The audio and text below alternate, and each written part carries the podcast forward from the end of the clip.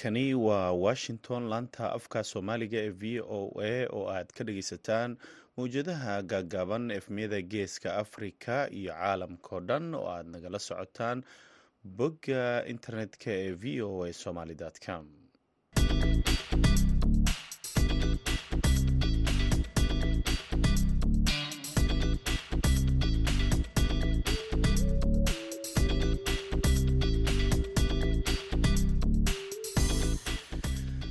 wanaagsan dhegeystayaal waa maalin isniin ah tobanka bisha oktoobar sanadka laba kun iyo labaiyo labaatanka. Afrikada bari saacaddu waxay tilmaamaysaa kowdii iyo barkii duhurnimo idaacadda duhurnimo ee barnaamijka dhallinyarada maantana waxaa idinla socodsiinaya. Anigoo ah cabdulqaadir maxamed samakaab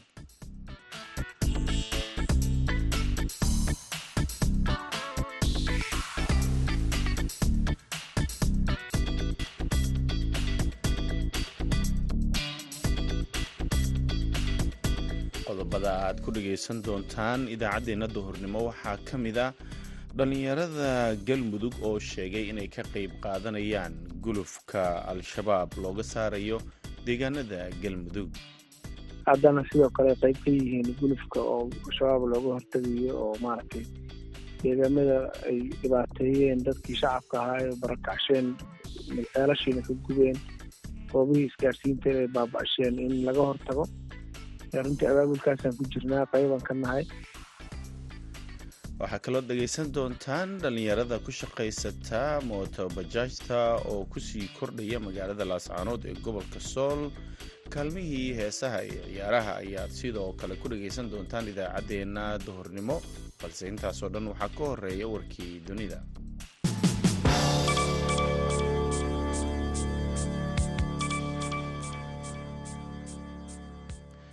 shan ruux ayaa ku dhintay labaiyo toban kalena way ku dhaawacmeen. Gantaalo halis ah oo ruushka husniinta maanta ku garaacay magaalada kiev ee caasimada ukrein gantaalada ruushka ayaa intooda badan ku dhacay bartamaha magaalada waxaana qaraxyo xoogan laga soo sheegayaa meelo badan oo ay ku jiraan magaalooyinka leviv dombiro iyo magaalada kale ee kharkiif iyadoo militariga ukrein uu sheegay in ilaa koob iyo afartan gantaal ay ku dhaceen magaalooyinkaasi. Wasiirka difaaca wasaaradda difaaca ee ukrein ayaa duqeynta gantaalada ku tilmaantay fal argagixiso waxaana ay sheegtay in dhiiranaanta ukrein aysan weligeed burburi doonin. Dhinaca kale madaxweynaha ruushka valadimir putin ayaa ku eedeeyey ukrein inay weerartay buundadii go-day ee gobolka ruushka uu qabsaday ee krimiya isagoo ku tilmaamay fal argagixiso oo ka dhan ah dalkiisa putin ayaa sidoo kale sheegay in ciidamada sirdoonka ee ukrein ujeedkoodu ahaa inay burburiyaan qeybo ka mida kaabayaasha muhiimka ee dadka ruushka islamarkaana shaki la'aan uu weerarkaasi ahaa fal argagixiso hadalkan ayuu ka sheegay kulan uu la yeeshay madaxa guddiga baarista ee ruushka alexandro bastrikin buundada ayaa halis gelinaysa marinka muhiimka u ah saadka iyo isgaarsiinta ciidamada ruushka ee weeraray ukrein saraakiil ka tirsan moscow ayaa sheegay in saddex ruux ay ku dhinteen qaraxii buundada kuwaas oo ka agdhowaa gaarigii xamuulka ee ku qarxay. Madaxa baarista ayaa sheegay in dhacdada ay gacan ka geysteen muwaadiniin ruush ah iyo dowladda shisheeye laakiin saraakiisha ukrein kama aysan hadlin eedaha uu ruushka u jeediyey afhayeenka wasaaradda arrimaha dibadda ee iiraan ayaa sheegay ayaa ugu baaqay in dadka ajnabiga ah ee booqanaya dalkaasi ay ixtiraamaan shuruucda jamhuuriyadda islaamiga ee iiraan. Xilli ay sii socdaan ama dalkaasi ay ku sii kordhayaan dibadbaxyada ka dhanka ah gabadhii saldhigga booliska ku dhimatay kuwaas oo tehraan ay ku eedeysay inuu ka dambeeyo waxay ugu yeertay cadow shisheeye bishii la soo dhaafay iiraan ayaa sheegtay inay xabsiga dhigeen sagaal ruux oo u dhashay wadamo ka mid a yurub kuwaasoo ay sheegtay in ay door ku lahaayeen kicinta qalalaasihii ka dhashay dhimashada mehsa amni afhayeenka naasir kanani ayaa intaasi ku daray in iiraan ay tahay waddan ammaan ah islamarkaana ay ka filayaan ajaanibka dalxiiska iyo arrimaha ganacsi u tegaya inay ixtiraamaan shuruucdooda. Banaanbaxyada looga soo horjeedo dowladda oo bilowday tobankii sebtembar kana bilowday magaalada ay ku dhalatay mahsa ee saqiis ayaa isu bedelay caqabadii ugu weyneed ee muddo sannado ah ay wajahaan hogaamiyaasha iiraan. Dhegeystayaal warkeenii dunidana waa nageynta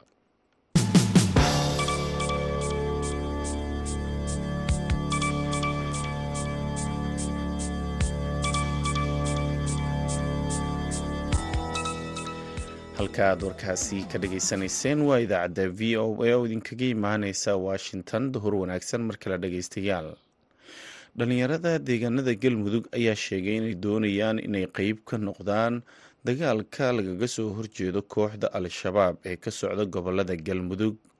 Caruuse macalin maxamuud oo ah guddoomiyaha dhalinyarada galmudug ayaa arrimahaasi oga waramay cabdiwaaxid macalin isaaq aada umahadsan tahay cabdiwaaxid iyo idaacadda v o eda dhammaanti waa salaamantihiin. Su'aal aada u fiican waaye horta dhalinyarada galmudug waxay ka mid yihiin shacabka soomaaliyeed iyo khaasatan shacabka galmudug. Baahida iyo caqabada soo wajahadana way qeybi ka yihiin. Haddana sidoo kale qeyb ka yihiin gulufka oo shabaab looga hortegayo oo maaragtay deegaamada ay dhibaateeyeen dadkii shacabka ahaa ee barakacsheen ceelashiina ka gubeen goobihii isgaarsiinteeda ay baaba-asheen in laga hortago. Runtii abaabulkaasaan ku jirnaa qeybaan ka nahay. Ciidankana maaragtay waa dhiirigelinaa. Wixii aan heli karno hadda dhalinyaradu waxay tageen goobaha o dhan waa tageen. Waxay geeyeen raashin waxay geeyeen maaragtay iyagu waa tageen. Difaacay qeyb ka yihiin. Runtii aada iyo aadan u soo dhiirigelinay. Waayo dee dhalinyaradii o dhan a meesha jirta goobihii waxbarasha iyo iskuuladii iyo wixii dhammaan iyo goobihii caafimaadka dhammaantoodba wax dhibaataa ku timid marka waana u tagnay waana soo qaybsanay dee dhibaatada ka jirta runtii waana abaabulnay oo meelo badan waxaa abaabul badanaa laga sameeyey gurmadna waa loo sameeyey guud ahaan dadka meesha degan iyo khaasatan ciidamada maaragtay difaaca oo isiiba dadka deegaanka. Maxaad ku barbar istaagteen dadka deegaanka iyo ciidamadaba? Wallahi sahayda oo hadday u baahan yihiin qeyb kamida waa loo geeyey dhalinyarada waa geeyeen waxaa la tegay de markii koowaad difaaca u baahnaayeen dadka oo dhibaatada haysata oo dadka ay ay maaragtay soo dhibaatoobeen dadka gargaarka iyo maaragtay ka hortagaya ka mid ahaayeen. Markii de deegaanka la difaacayeen dadkii difaacayay oo meesha tegay de anaga ugu horeya waa tagnay madaxweynaha iyo dowladda iyo wax dhan meesha la tegay oo runtii. Marka runtii wax qeyb kasta oo oo loo qaban karay oo ama deegaanka lagu difaaci karay ama dadka dhibaataysan iyo ciidamadaba lagu garab istaagi kara waan samaynay haddana way socotaa abaabulkeediina waa socdaa. Meeshana way tagaana maalin walba waa waa la tagaa. Shalay ugu dambeeyey maarsamage iyo camaa iyo iyo sheeg oo xillada intaba waa maaragtay waxaa la gaarsiiyey deeq raashina dhalinyaraha gaarsiisay.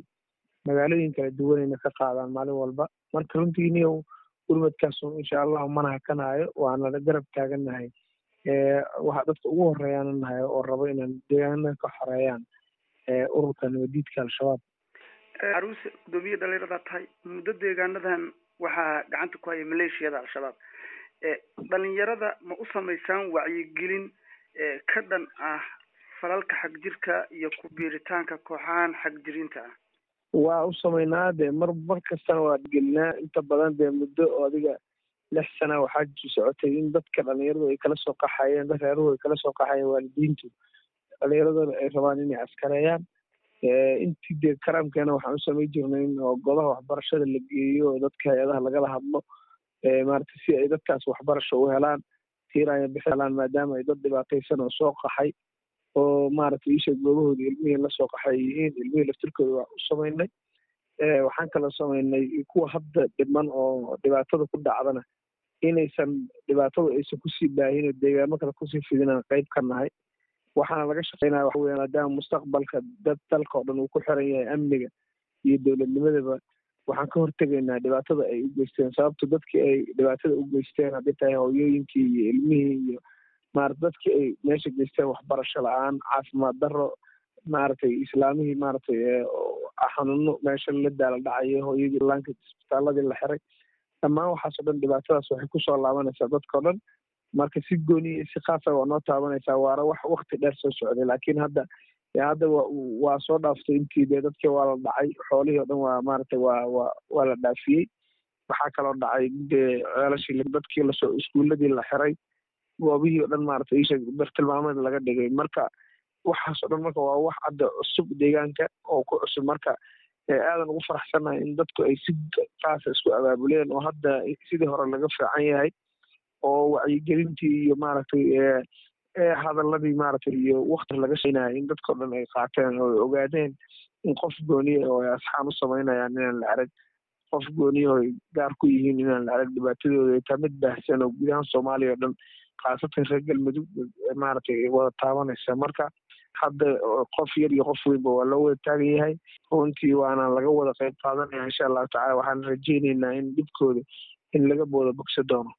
Ugu dambeyntii deegaanada aad tagteen oo ciidamada dowlad goboleedka galmudug kuwa dowladda federaalka iyo dadka deegaanka iskaashanaya aada ugu tagteen oo degmada baxda iyo deegaanada hoos tagaba maxaad ku soo ag markay noqoto dhibaatooyinka maleeshiyada al-shabaab ay ka geysteen iyo duruufaha nololeed ee deegaanka ka jira.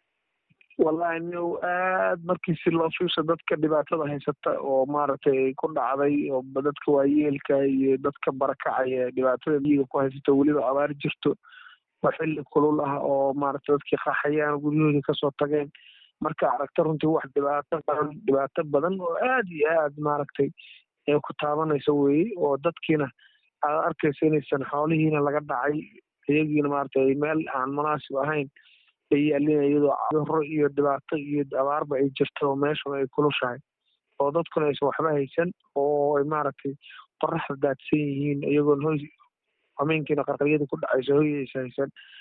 Sidoo kaleeto waxaa arkaysa iskuuladii oo la xiray maaragtay magaalooyinka runtii waxbarashadu ka socdeen maaragtay iskuuladii iyo ardadiiba maaragtay magaalooyinka meel ay soo aadi kareen qof walba uu soo aaday oo dibadhac uu ku yimid goobihii ganacsiyadii wixii o dhan ay xiran yihiin. Markaad aragto aad iyo aad bay runtii dhibaato u leedahay mararka qaar markaad fiirisana meelaha ay hadda ay dhibaateeyeen oo waxyaalahaas oo dhan nolosha aasiga iyo dhibaato dhammaanteed ay isku ilaato goobaha ay joogaan weye dadkus isku difaacayaan markaad aragto oo deegaamada maarata dadka u dhiiran yihiin oo loo difaacayana waxaa maanta dareemaysaa inay ka roon tahay in dadkan ay isku sii baahaan oo ay meeshaas qabsadaan inay ka fiican tahay oo dadku ay ay ogol yihiin ay iska dhiciyaan oo maaragtay ciidamadii iyo dowladdiina ay garab taagan yihiin marka runtii niyow dhibaato bini-aadanimona waa ka jirtaa waana runtii waxaa kaloo ka jira dhiirigelin in dadku ay ogol yihiin inay al-shabaab iska dhacshaan oo ay dhammaantood taagan yihiin oo qof walba u taagan yahay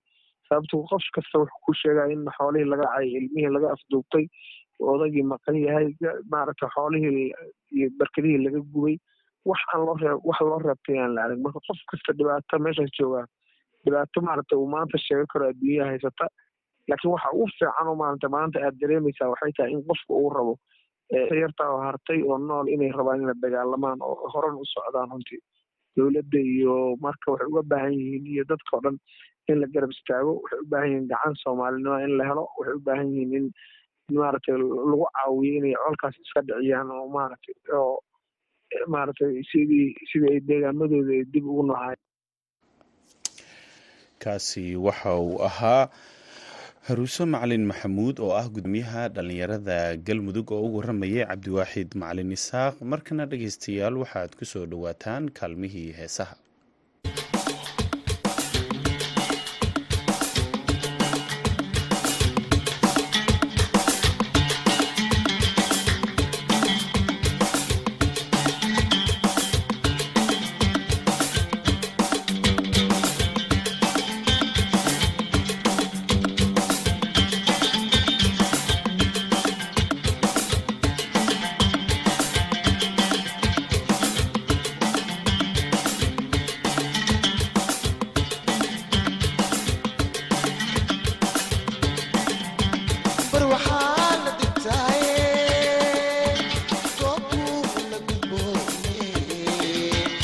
gadaasha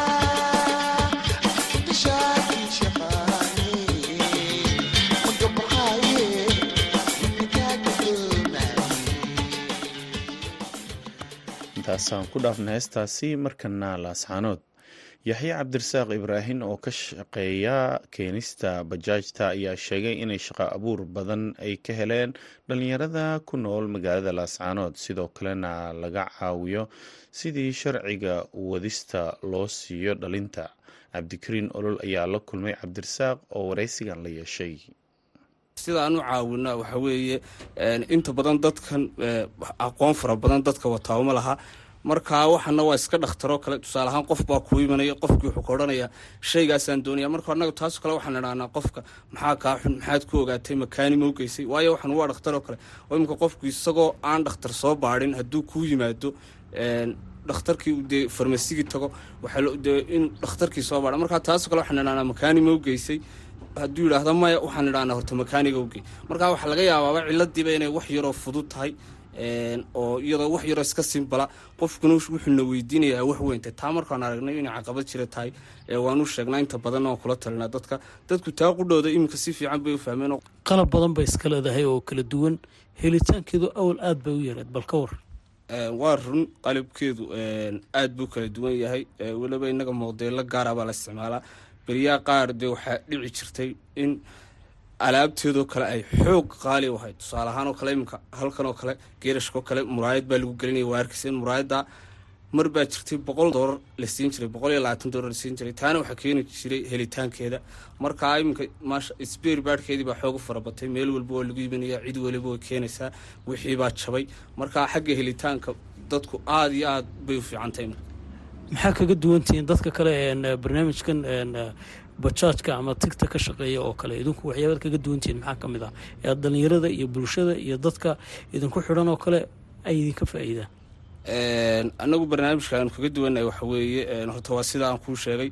Annagu inta badan waxaan isku daynaa inaanu xagga yooska dhallinyarada xoogga saarno oo dhinaca shaqa abuurka oo kale oo tusaale ahaan oo kale waxaan leenahay brograam la yidhaahdo ah oo in walow dee iminka gobolkan laasacaanood ka bilaabin. Laakiin gobollada kale ka shaqeeya qofka darawalka oo kale inuu noo yimaado xafiiskayga shirkadda yimaado aan registration ka sameyno information reebno tana hadhow qofka markuu doonaya qofka kaxaysa waxyaabaha kale aan dheerna waxa weye waxaan sameynay barnaamij lahaa shaqa abuur oo aan dhallinyarada gaar ahaan ugu talagalay oo qofkii dhallinyarada ahaa waxaa laga yaaba iyadoo reerkoodii u iibin lahaa lacagtii inaanay wadaagoodayn. Taasoo kale waxaan sameynaa inaanu lacagta barh ka sii qaadno. Tusaalahaan saddex kun oo kale markay tahay inaanu kun oo kale ka sii qaadno.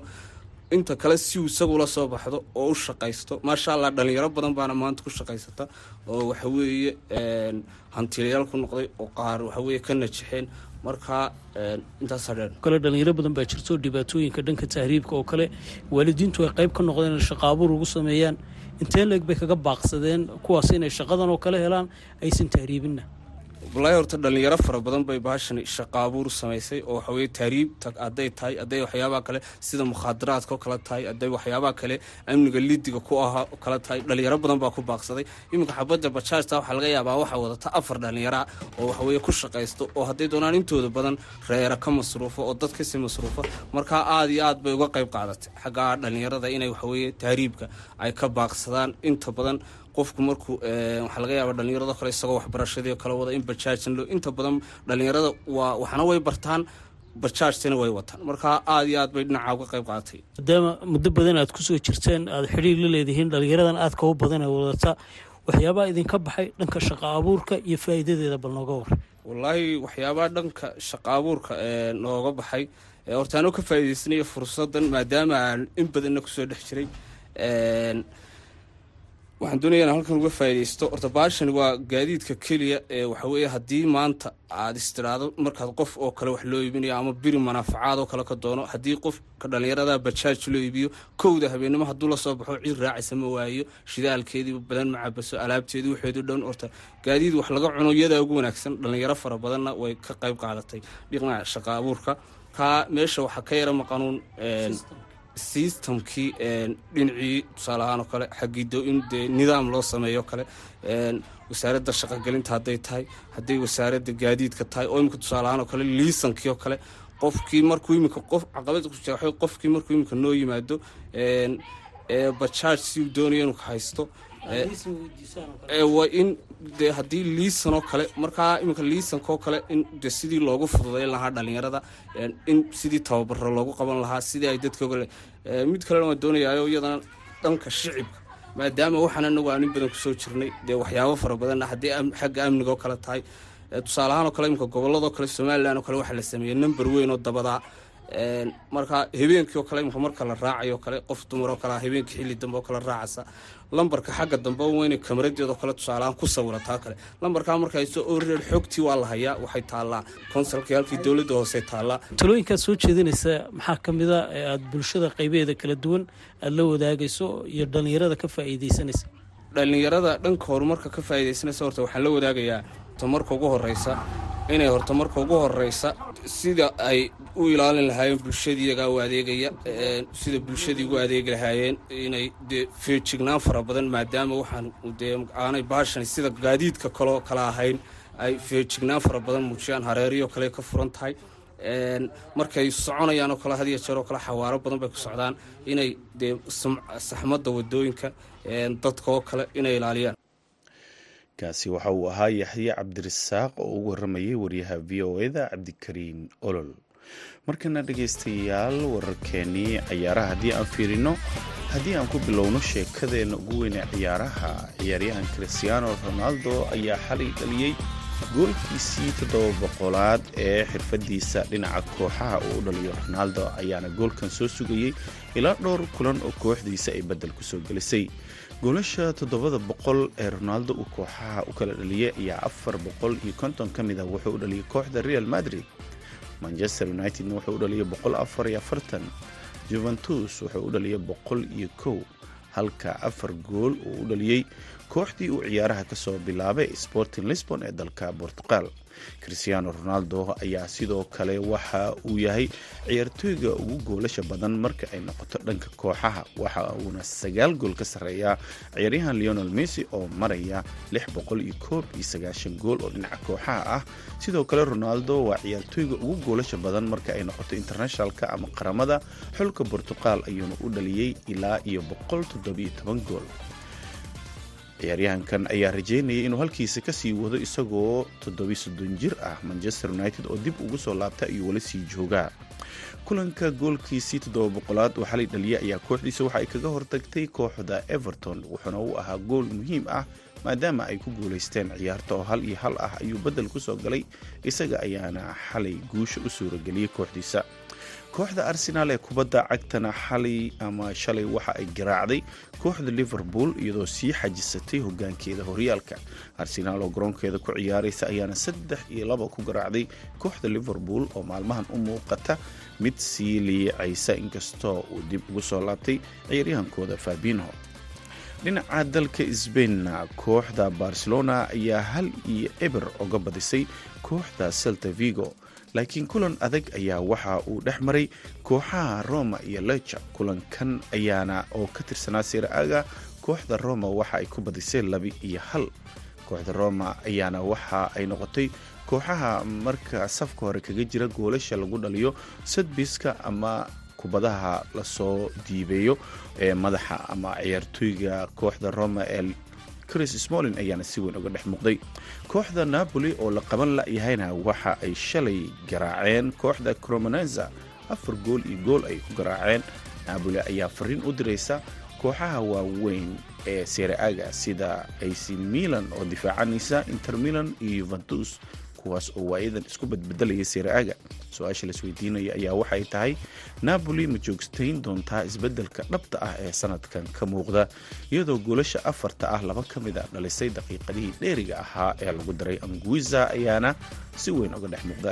Dhegaystayaal wararkeennii cayaaraha waa naga intaa markanna waxaad ku soo dhawaataan kaalmihii heesaha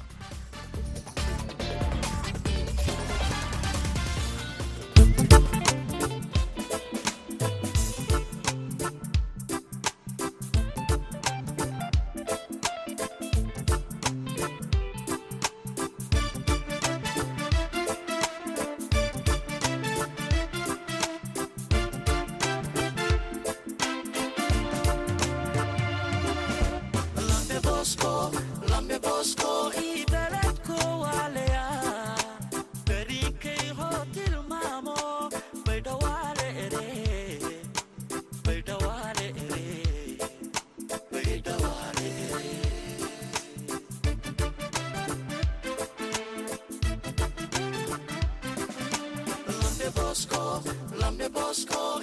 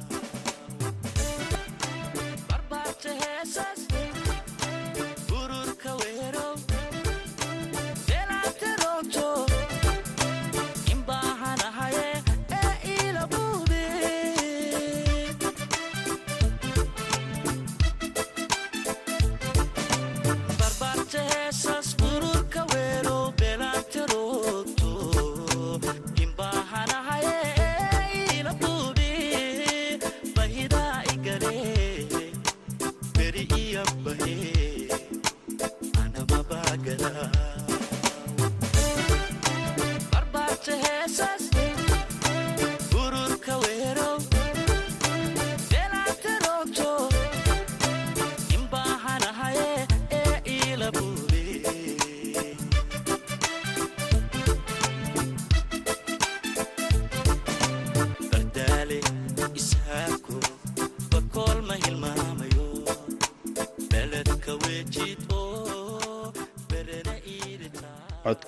codkaasi cawaalo aadan ayaa u dambeeyey idaacaddeenii duhurnimo ee barnaamijka dhallinyarada. Maanta waxaa idinla socodsiinayay anigoo ah cabdulqaadir samakaab tan iyo kulanti dambe. Waxaannu idinkaga tegaynaa nabadgelyo